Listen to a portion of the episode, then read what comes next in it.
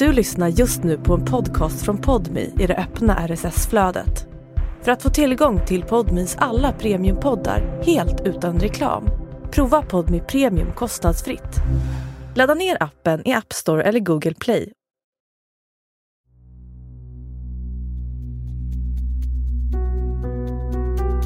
Det här är Utanför murarna, där jag, Josefin Freje, träffar människor som suttit i fängelse för grova brott, men som nu är ute i samhället.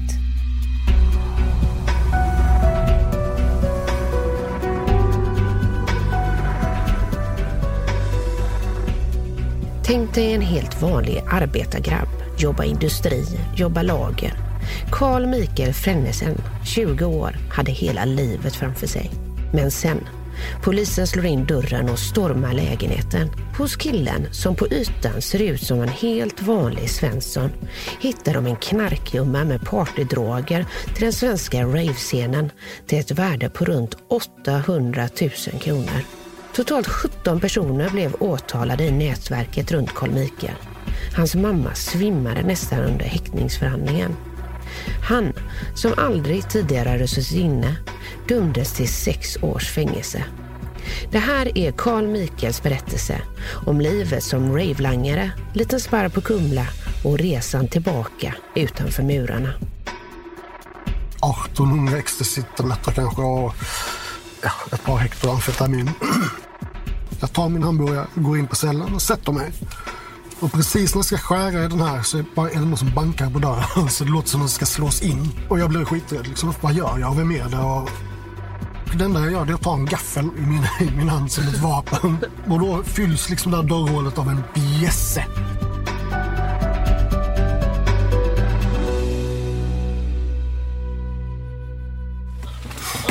Oj, sådär. Ursäkta att det är så rörigt i bilen. Ja, det är ingen fara faktiskt. Det, det känns, eh, känns som hemma. Om du säger ditt namn? Carl Mikael Frennesen. Yes. Vi sitter i min gamla Ford i ett parkeringsgarage i centrala Malmö.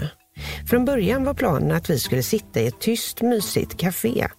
Men det här samtalet gör att folks öron blir lite väl stora. Det kan ju också vara gött så här, om man ska prata sådana här saker, att man inte sitter folk och tjuvlyssnar. Ja, liksom. ja, folk är ju väldigt, eh, väldigt intresserade av sånt som de inte har att göra med. Vem är du? Oj, den, den svåra frågan nu. Carl Mikael är uppvuxen på landet på Bjärehalvön. Även kallat nordvästra Skånes pärla. Tänk typ årets första nypotatis, samdynor och tennis. Han hade jobb, betalade skatt och ja, var en helt vanlig, ung, duktig samhällsmedborgare.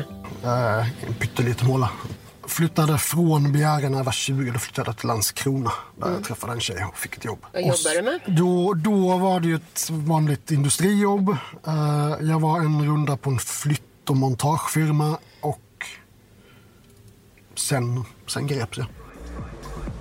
Carl Mikael hade levt ett dubbelliv. Vid sidan av jobbet och den lugna ytan lockade vad han beskriver som fel typ av folk, gränslöshet. Han gick från Svenssons liv till att i smyg, bakom ryggen på arbetskollegor och familj, bli rave-langare. Jag har alltid varit sån som är liksom precis på gränsen för vad som är okej. Okay. Jag provar nya saker och uh, jag kom dessutom då i kontakt med narkotika. Det var liksom i hela den här rave-kulturen som blommade upp. Och så höll jag på mycket med musik och därför kom jag liksom in i den, den världen också. Mm. Eh, av lite olika skäl så, så kom jag liksom i kontakt med folk som ville ha droger och folk som ville bli av med droger. Och som 20-åring liksom med, med så här snabba pengar och sånt så blev det liksom bara ett ett hjul som bara rullade på jättefort. Carl Mikael sålde droger till de flesta stora ravefesterna i Sverige mellan år 2000 till 2004. Och han dealade även med kunder i andra länder. Han trodde att han var smart. Att han, Carl Mikael, till skillnad från alla andra kriminella, hade hittat nyckeln till att leva ett flott liv utan att åka fast jag tyckte ju själv att jag skötte det jätteproffsigt och, och bra. Så jag hade ett par, ett par stora kunder så att säga som jag då hade valt ut och som både i Norge och i Sverige och, eh, och någon i Danmark. Mm. Uh, så jag sålde ganska stora mängder till ganska få kunder. Men och, och trodde som sagt att det här var vattenfast, liksom, eller vattentätt. Det är det alla tror i den här podden, att man, ja, har, man har kommit på det liksom. Jag precis, kommer inte åka. Precis, och som sagt som, som ung kille där med liksom mycket pengar och en del droger och, och mycket fest och så, här, så, så blev det ju liksom inget det, blev, det höll ju inte så länge, det höll tills jag var 23. 23 år och fast. Carl Mikes liv som ravelangare med fester och snabba pengar fick ett abrupt slut. En vän till honom, som också var kollega i narkotikaaffärerna, hade precis varit hemma hos Carl Mikael och tagit sin del av drogerna för vidare försäljning. Och för första gången någonsin så hade jag gjort det man inte får göra. Man tar hem alla droger till sitt hem. Mm. Där, där förvarades jag ute egentligen. Men jag hade väldigt bråttom den här dagen så jag åkte och hämtade alltihopa. Plockade ut det han skulle ha. Han kom och hämtade och så hade de spanat honom. Uh, så de knackade väl, ja, knackade på gjorde de inte. De slog in dörren då när han hade gått. Uh, så det var, det var ju lite olycklig timing. Ja, dålig timing är nog det minsta man kan säga. I Carl Mikaels lägenhet hittade polisen mängder av tabletter, pulver och haschkakor. En riktig fullträff för polisens narkotikarotel. Det var ju något kilo hasch 1800 ecstasy-tabletter kanske och ja, ett par hektar amfetamin. Jag läser ur domen. Carl Mikael beskrivs som en stor leverantör av narkotika. Totalt är det 17 åtalade i härvan. Förutom ecstasy, hash och amfetamin hittade polisen även kokain, LSD och såna där eh, knarksvampar. Men vid den här tiden, år 2004, var det speciellt den stora mängden ecstasy som var spikad i kistan för Carl Mikael. Och framförallt ecstasyn som då var ny drog och klassades jättehögt. Så den, den, det var ju det som gav det långa straffet. Så jag tror att det sammanlagda straffvärdet räknade de ihop till 18 år. Oj. Carl Mikael togs till arresten i Helsingborg där han fick spendera en helg i fyllecell innan det var dags för häktningsförhandling. Det var en fredag vet jag. Det var julhelgen. Vi skulle på fest, jag och min flickvän och ja, några vänner. Men, och, och då hade jag fulla restriktioner också. Alltså mm. ingen tv, ingen radio, ingen tidning. Uh, och, och, inte kunna kommunicera liksom då med, med någon mer än de som man inte ville kommunicera med. Mm. Uh, plitarna? Ja, polisen egentligen. Ja, polisen. Plitarna hade jag liksom ingen, men de öppnar och de låser. Mm. Det är inte så mycket så här, eh, socialt umgänge med dem. Men var det första gången du var inlåst? Ja. Mm. Hur var det då, den omställningen? I arresten så var man väl i chock tror jag, liksom där den helgen. Man, man, visste ju inte riktigt vad som hade hänt och vad som skulle hända. Man förstod inte så mycket. Så då, jag tror jag sov nästan hela den helgen genom arresten. Mm. Det var något fyllo som stod och pissade i cellen bredvid vet jag. Så att det var över julhelgen där? Skulle du, din familj och sådär, eh, de måste ha undrat vart du, vart du ja, vägen? Min fly, jag skulle ju träffa min flickvän där på kvällen. Uh, hon var en av få som visste att jag höll på. Det var inte så många som gjorde det.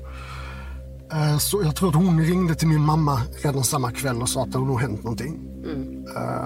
Och sen vet jag att förhörsledaren frågade på söndagen om han skulle ringa någon. Mm. Och då sa jag givetvis att jag måste ringa min mamma. Uh, och, det, och det har liksom genomgående varit det jobbiga där med familjen. Mm. um, så min mamma var med på häktningsförhandlingen. Jag satt på åhörarbänken. Liksom. Ganska jobbigt givetvis när eh, åklagaren säger att jag hade sammanlagda straffvärdet 18 år. Och min mamma hon bara Åh. Jag hörde hur hon liksom hon drog, drog efter luft eller någonting. Jag kommer ihåg det ganska väl. Mm. Och att hon då sen sa så här att ja men vi har ju straffrabatt så att jag kommer att yrka på åtta år. Mm. Men vilken grej. Och var du liksom så här, var, var det många som trodde att du var en vanlig liksom Svensson-kille och sen plötsligt? Jag var ju en vanlig Svensson-kille egentligen. Jag umgicks ju inte med kriminella. Eller jag hade liksom inga, inga kriminella... Jag hade ju ett vanligt jobb. Och mm. Ett ganska dåligt betalt jobb som jag skötte väldigt väl. Och, uh, så, så, det började ju liksom bara som en kul sak vid sidan om och sen så eskalerade det här kommer inte ihåg riktigt men jag tror det var liksom droger för 800 000 som, Oj. som liksom då konfiskerades på olika håll. Fick du... Jag ska bara ta en snitt. Ehm, jag tänker att de här drogerna måste ju ha tillhört någon. Ehm, blev folk sura? Jag gjorde aldrig så att jag handlade på krita. Eh, Så, så det som försvann det var ju egentligen mina pengar som jag hade tjänat. ju. Ja, Och, och investerat i, i något nytt. Eh, Så eh, det fanns ju inte så mycket pengar kvar liksom när jag kom ut då. Det fanns, jag kommer inte ihåg, 30 000 eller något. Ja. Eh, Så ja, det, var- det var som sagt lite taskig timing där. Långsamt, riktigt långsamt började allvaret gå upp för Carl Michael.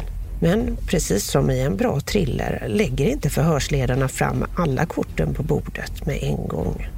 Ja, precis. Jag visste inte hur allvarligt för att man la inte fram bevisen som man hade hittat. Alla på en gång, utan man gjorde det här i etapper. Eh, Och man började med en massa småsaker då som ja, massa trams liksom. Någon haschbit man hade hittat någonstans. Och det här som jag visste då att min kollega eller min kompis hade eh, åkt fast med. Men i sex månader så höll man liksom inne med att man hade hittat det som verkligen eh, gav det långa straffet. Så du trodde kanske att du eh, skulle komma undan med Det, det? eller? det fanns ju liksom ett hopp gjorde det. Eh, I sex månader. Jag tyckte det var skittaskigt. Eh, men det fanns kanske en anledning till det där. Sex års fängelse blev domen. Efter nio månader isolerad på häktet blev det dags för Michael att träffa medfångar. Först på något som heter något så trevligt och mysigt som gemenskapsavdelningen, även kallat Gemet. Eh, I varje fall spelade vi volleyboll där. Man hade en volleybollplan inne i häktet. Så jag spelade och får sån djävulsk träningsvärk. Så jag kunde verkligen inte lämna. Jag kunde inte lämna cellen dagen efter. Eh, Då hade jag väl liksom legat i nio månader. Och att även om jag tränade och gick på så här så... Ja, för det, det kommer jag ihåg. Men även om det låter gemytligt med volleyboll och träningsverk var det inte så han kände när han först kom dit. Att sitta isolerad i nio månader utan mänsklig kontakt mer än polisens förhör och utan kontakt med omvärlden, ja, det kan knäcka den starkaste. Det tog på Carl Michael att gå från isolering till att plötsligt vara omringad av människor. Och det var första gången jag träffade folk liksom, på, på nio månader. Jättemärkligt. Hur kändes det? överväldigande liksom. Samtidigt som man då kanske inte riktigt, jag var ju 24, hade jag fyllt och liksom, vad är det här för typer? Liksom, vad, vad snackar de om och vad fan, kanske de slår ihjäl mig och...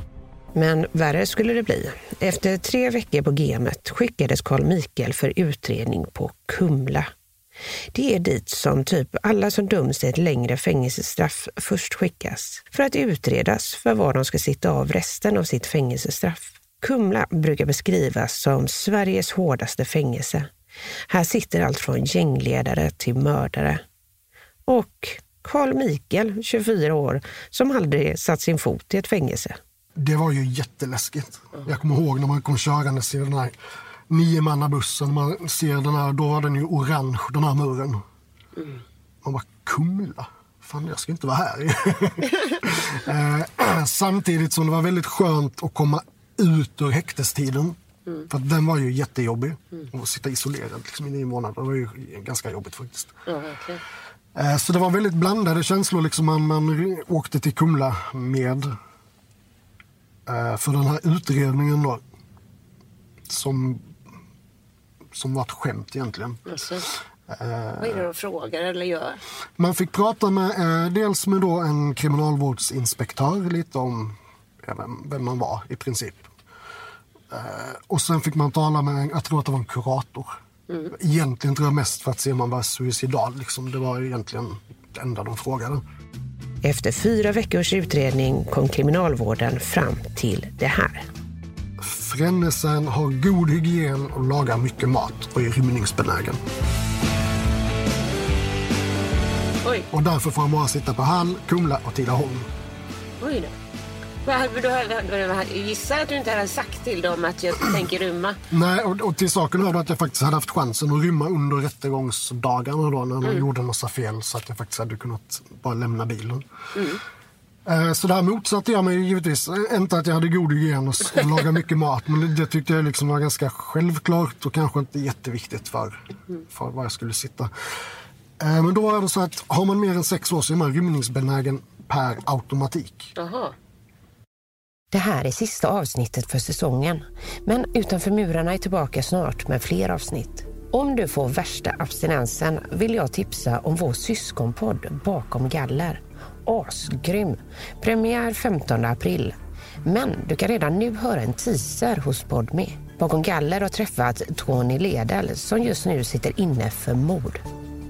Jag bara ser den här mannen i ögonen innan han stannar upp och sen börjar han gå baklänges.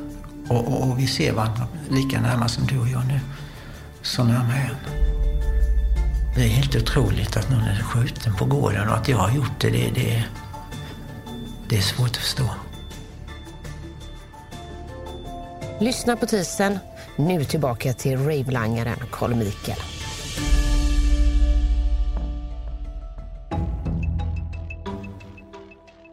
Och jag kunde ju inte skriva under det här. Mm. Så, så det lät jag liksom bli. Eh, Men jag hamnade på Tidaholm så småningom i vilket fall. Eftersom att det var närmast hem. Men hur var det alltså, att, träffa... Jag, jag tyckte det var jätteläskigt. Alltså, om man kommer till Kumla och det är massa mördare och, och man vet inte vem som är vem. Liksom. Och vilka som är farliga och så. Nej, jag kommer ihåg när jag kom dit. Man får ju sina kläder då, kriminalvårdskläder i en säck. En röd sån här säck som man kan lägga på ryggen. Och jag kommer ihåg när jag går första gången genom korridoren då till min cell som är allra längst ner såklart. Eh, Och passerar dagrummet och matsalen. Där sitter folk. Man, vad fan är detta liksom? Ja. Ah. Så jag kommer ihåg att jag sa hej. eh, och, och Micke. Och sen så bara in på cellen. Eh, Jag kom dit ganska sent på eftermiddagen. Jag satt på cellen tills det blev mat. Så då går jag ut. Jag kommer ihåg det jätteväl. Det är hamburgare till kvällsmat. Jag tar min hamburgare, går in på cellen och sätter mig. Och precis när jag ska skära i den här så är det bara- är det någon som bankar på dörren. Så det låter som att den ska slås in. Eh, och jag blir skiträdd. Liksom, vad gör jag? Vem är det? Och, så, så det, enda jag, det enda jag gör det är att ta en gaffel i min, i min hand som ett vapen. Eh, och säger kom in. Och då fylls liksom det här dörrhålet av en bjässe. Eh, som säger så bara, du ser lite tanig ut, ska du ha min hamburgare också? jo, det är sant. Eh, och det, det på något sätt satte liksom standarden för, för den här fängelsevistelsen. Det var väldigt omhändertagande. För att du var så pass ung För då. att jag var ung, ja. Eh, Det var mycket alltså, av de äldre då som liksom varnade en för gör inte om det här, bli inte som mig. Eh, och, och lärde liksom den här kodexen då som kanske fanns eller finns in på kåken om vad man får och vad man inte får. Eh, så så det, var, det var liksom som ett mentorskap nästan. Eh, både där och då senare när jag kom till Tidaholm. Det var gulligt ändå liksom, att de äldre kriminella lite så här tar dig under sina armar. Och det, och det var mycket så jag kommer ihåg en man faktiskt från Göteborg som hade gjort fyra tioårsvolter på rad. Oj. Äh, jättegod gubbe. Eh, han var verkligen så här, gör inte som mig. Gör inte som mig. Eh, så ja, det, det, var, det var väldigt mycket me- mentorskap liksom. Eh, så det, det var man väl inte riktigt beredd på heller, att det skulle vara så eh, eh, omhändertagande.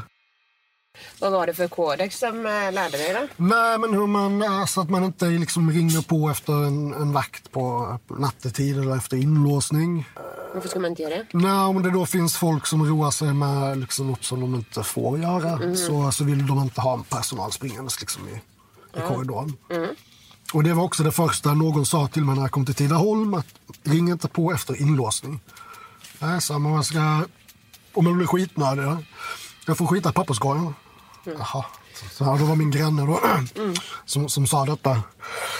Eh, ja, nej, så här, därför tänker jag låta bli. Då får man väl gå och göra det innan inlåsningen. Ja. Eh, och sen blev han magsjuk den här natten så han fick sitta på sin papperskorg hela natten. så, det, det var ju en, en lite rolig grej. Blev det något bråk någon gång? Ja, eh, ja, det är klart att det är bråk inne på anstalterna. Eh, nu satt jag på Kumla, Tidaholm framförallt den längsta tiden. Eh, många som sitter på de här anstalterna har ju väldigt långa straff. Ju. Eh, och det betyder också att de vill ha det ganska lugnt. Så på det stora hela var det ganska lugnt större delen av tiden. Eh, mycket äldre folk, inte så mycket så här ungtuppar som skulle Mm, eh, flasha. Mm. Men när det väl hände någonting så var det ju väldigt eh, ganska våldsamt ju. Eh, så, så det var ju en del incidenter då som hände under tiden som jag satt. Eh, jag var inte själv inblandad i någonting. Är det någon särskild du kommer ihåg extra? Ja, ja det är det. Eh, Men, men ja. Det, det finns ju en del gängkonstellationer givetvis. Eh, och det blir ju aldrig bra när för många av samma gäng hamnar på samma ställe. Och det då finns en, en ett annat gäng också representerat. Så ja, det, det var ett par sådana incidenter som var ganska, ganska obehagliga. Var det folk som kom till skada? Ja, ja det var det ju. Eh, Det, folk, det händer ju att folk då på något sätt skaffar sig vapen av olika slag. Och, eh, ja, så, så det, blev, det var ganska obehagligt vid ett, ett par tillfällen. Eh, Men som sagt, man behöver inte beblanda sig med det här heller. Liksom, om man då håller sig utanför det här med gäng framför allt så kan man liksom hålla sig undan det här. Med hjälp av äldre kriminella som vänligt men bestämt sagt till honom att åker han in igen så åker han på stryk. Ja, så muckade Carl Mikael år 2009. Då hade han suttit av två tredjedelar av straffet, fyra år, och skulle få chansen utanför murarna genom ett så kallat utslussningshem. Men något som många jag träffar i den här podden vittnar om, det är att det inte alltid är ett oh, yippee jag är fri moment. Många år i fängelset sätter sina spår. Det var klart jätteläskigt att- komma ut. Eh, det finns något som kallas muck, muckarsjuka, eller mucksjuk. eh, som jag inte förstod överhuvudtaget liksom, vad man pratade om. Förrän jag fick papper på att nu ska du lämna anstalten om tre månader. Eh, och det var jättejobbigt. Men mucksjuka alltså? Ja, Vad, är liksom, vad, vad definierar den... vad- är det man känner då inom, inom sig? Liksom? oro, rädsla och förväntan. Eh, liksom i någon konstig blandning. Det var som det var som abstinens, det var som att eh, vara nervös och rädd och samtidigt som man var väldigt spänd liksom, och, och, på det här som, då, som man var utan. Eh, Men det kommer jag ihåg, det var tre månader som var väldigt jobbiga. Ja, för innan ja, man kanske bara accepterat det. Nu ska jag vara här ett jävla tag. Liksom. Ja, de, dels det och dels har man ju där inne skaffat sig liksom sin, sitt liv, sin vardag, sina eh, relationer. Och där inne är man ju väldigt trygg. Man äter, jobbar, pluggar, tränar, sover. S- va- Rutiner, rutiner, rutiner. Eh, så där inne är man ju väldigt trygg i sin vardag. Och när man då liksom ska släppas ut i, resten av världen så blir man ju såklart väldigt osäker. Eh, så det är en del av den här muckarsjukan, att man är eh, rädd och osäker. Mm. Till slut kom Carl Mikael över den akuta muckarsjukan, hittade en lägenhet i Landskrona och Carl Mikaels mamma hade hjälpt honom att varje månad under fängelsetiden betala in a-kassan i tid. Så medan han sökte jobb slapp han den ekonomiska paniken av att stå nymuckad utan arbete.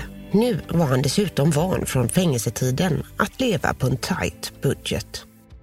Även om jag hade varit van vid att ha väldigt mycket pengar så hade jag också nu vant mig vid att leva på 410 kronor i veckan inne på anstalten. Eh, Så, så ekonomiskt såg det bra ut. Det såg bra ut med att jag inte hade några skulder, inga kriminella kontakter, inga kriminella vänner som jag skulle gå tillbaks till. Och, eh, så så det, var, det var ju på det sättet ganska smidigt. Men det fanns ju liksom den här biten att man själv skulle komma in i samhället och, och liksom bli trygg i samhället.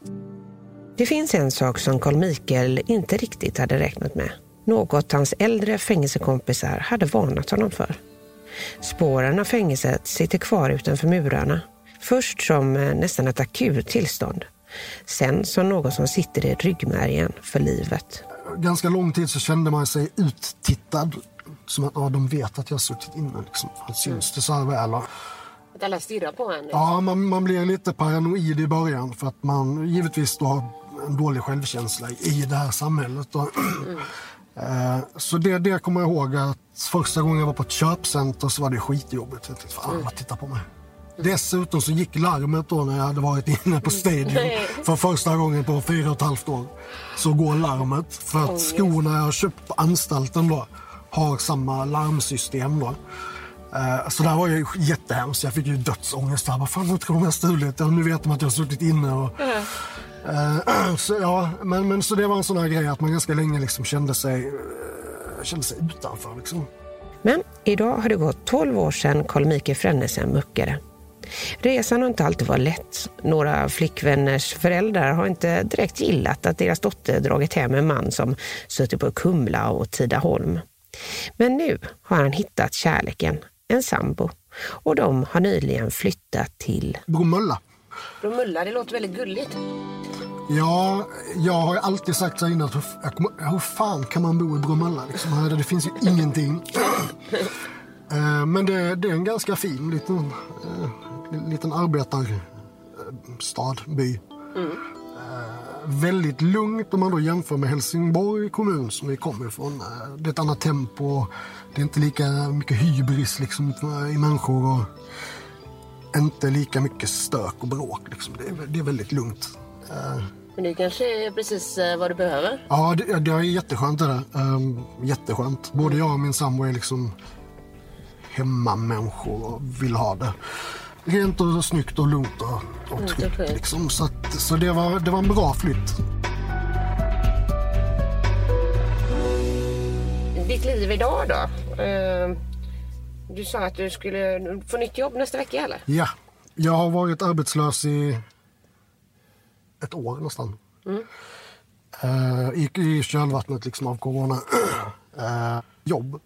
Det har varit liksom ett, ett aber under ett år. Eh, jag är ganska rastlös av mig egentligen. Och inte har någonting att göra, liksom inte ha den här rutinen, inte, inte ha den här bekräftelsen som då ett jobb också är. Eh, Det har varit ganska jobbigt. Eh, Men som sagt, jag börjar ett nytt jobb på, på måndag. Du har både jobb och, och sambo och liksom Bromölla. Men det kan gå bra. Eh, det har väl gått, gått, gått ganska bra. Ja. Eh, och har ju liksom blivit en del i det här samhället igen. Däremot ser man ju, det, jag kan ju se på någon om de har suttit inne. Det, det kan man ju liksom se i ögonen på folk. De bara vet liksom. Ja, ja faktiskt. Det, det tror jag alla som har suttit en längre tid kan, eh, kan intyga. Så, så det är nog snarare så att man, man vet om, om man umgås med nytt folk så kan man ganska lätt sondera vem som faktiskt också har liksom suttit inne.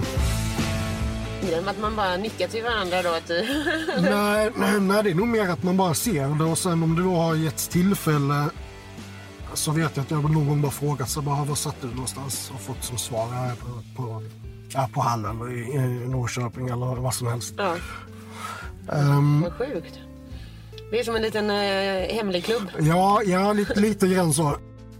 Så första tiden utanför murarna, muckasjuka. Carl Mikael var obekväm i sitt eget skinn.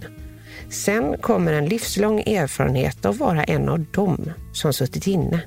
En annan sak som han tror kommer sitta kvar resten av livet är snutreflexen.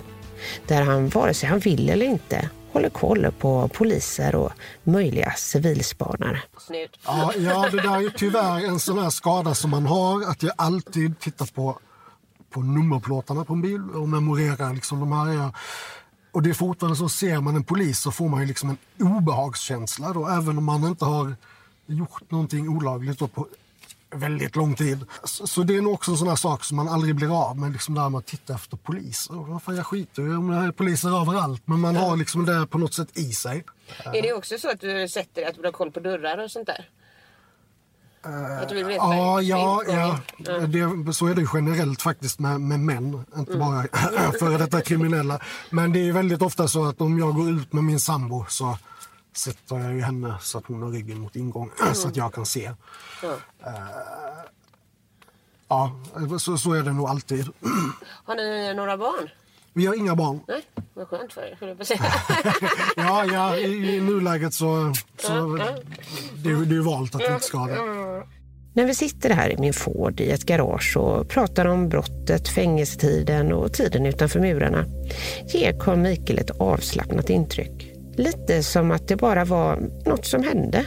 Men hans dubbelliv som vanlig arbetarkille versus kriminell ravelangare, ja, det har haft sitt pris. Men eh, det här också, eh, alltså med att ha ett eh, dubbelliv. Du måste ju behövt ljuga för väldigt många då.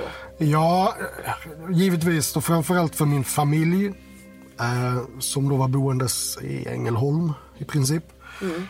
Eh, och en del av mina vänner visste ju inte om det här heller.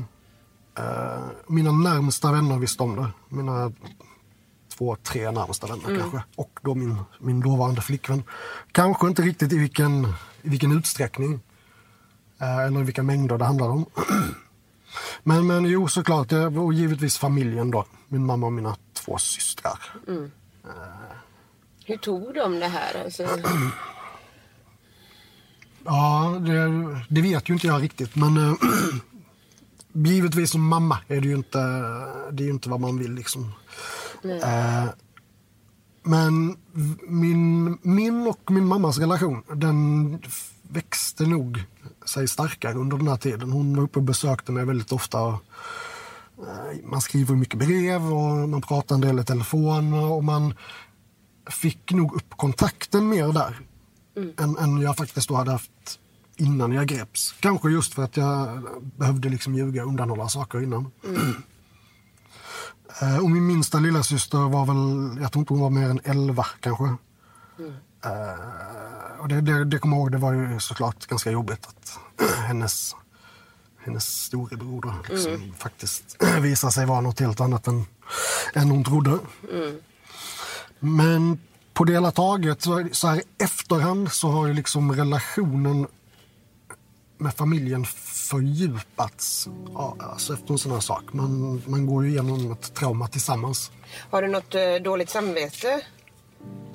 Det, det kommer man ju alltid ha. Eh, för det här jag sa med ens familj framför allt. Eh, och det är ju också anledningen till att man inte gör om samma misstag. Jag skulle inte kunna liksom göra så mot min familj igen.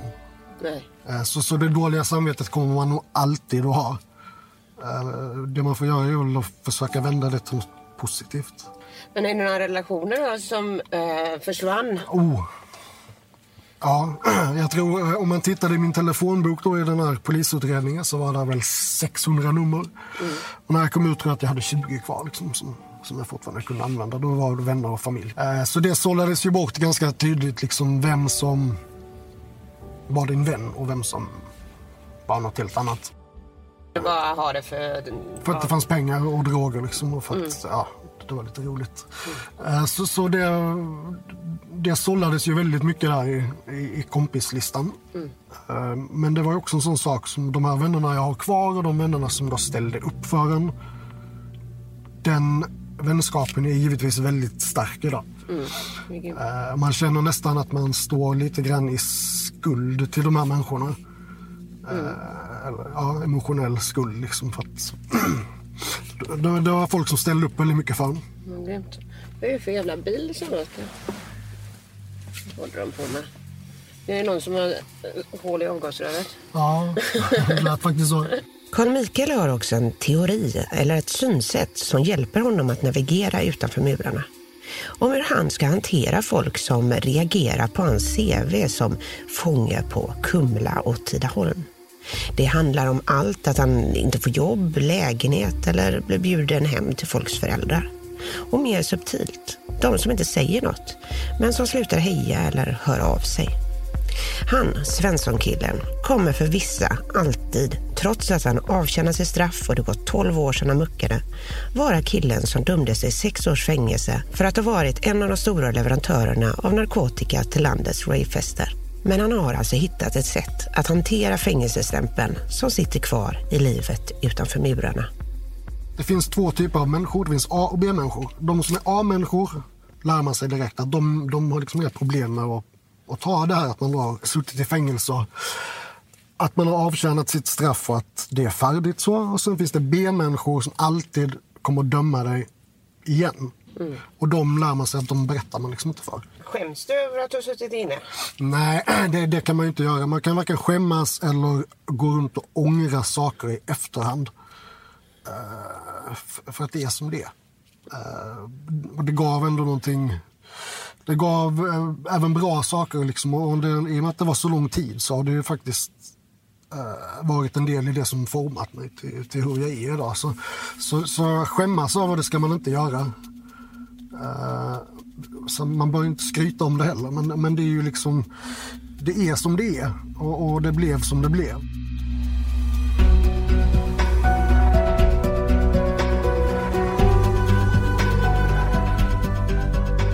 Tack för att du har lyssnat på Utanför murarna. Jag heter Josefin Freje och du får jättegärna höra av dig med synpunkter och tips på vem jag ska träffa härnäst. Mailen är utanförmurarna.gmail.com du har lyssnat på Utanför murarna, en exklusiv poddmy-produktion från tredje statsmakten. Reporter var Josefin Freje. Producent för avsnittet var Robin Jonsson. Exekutiv producent hos Podmi var Sofia Neves.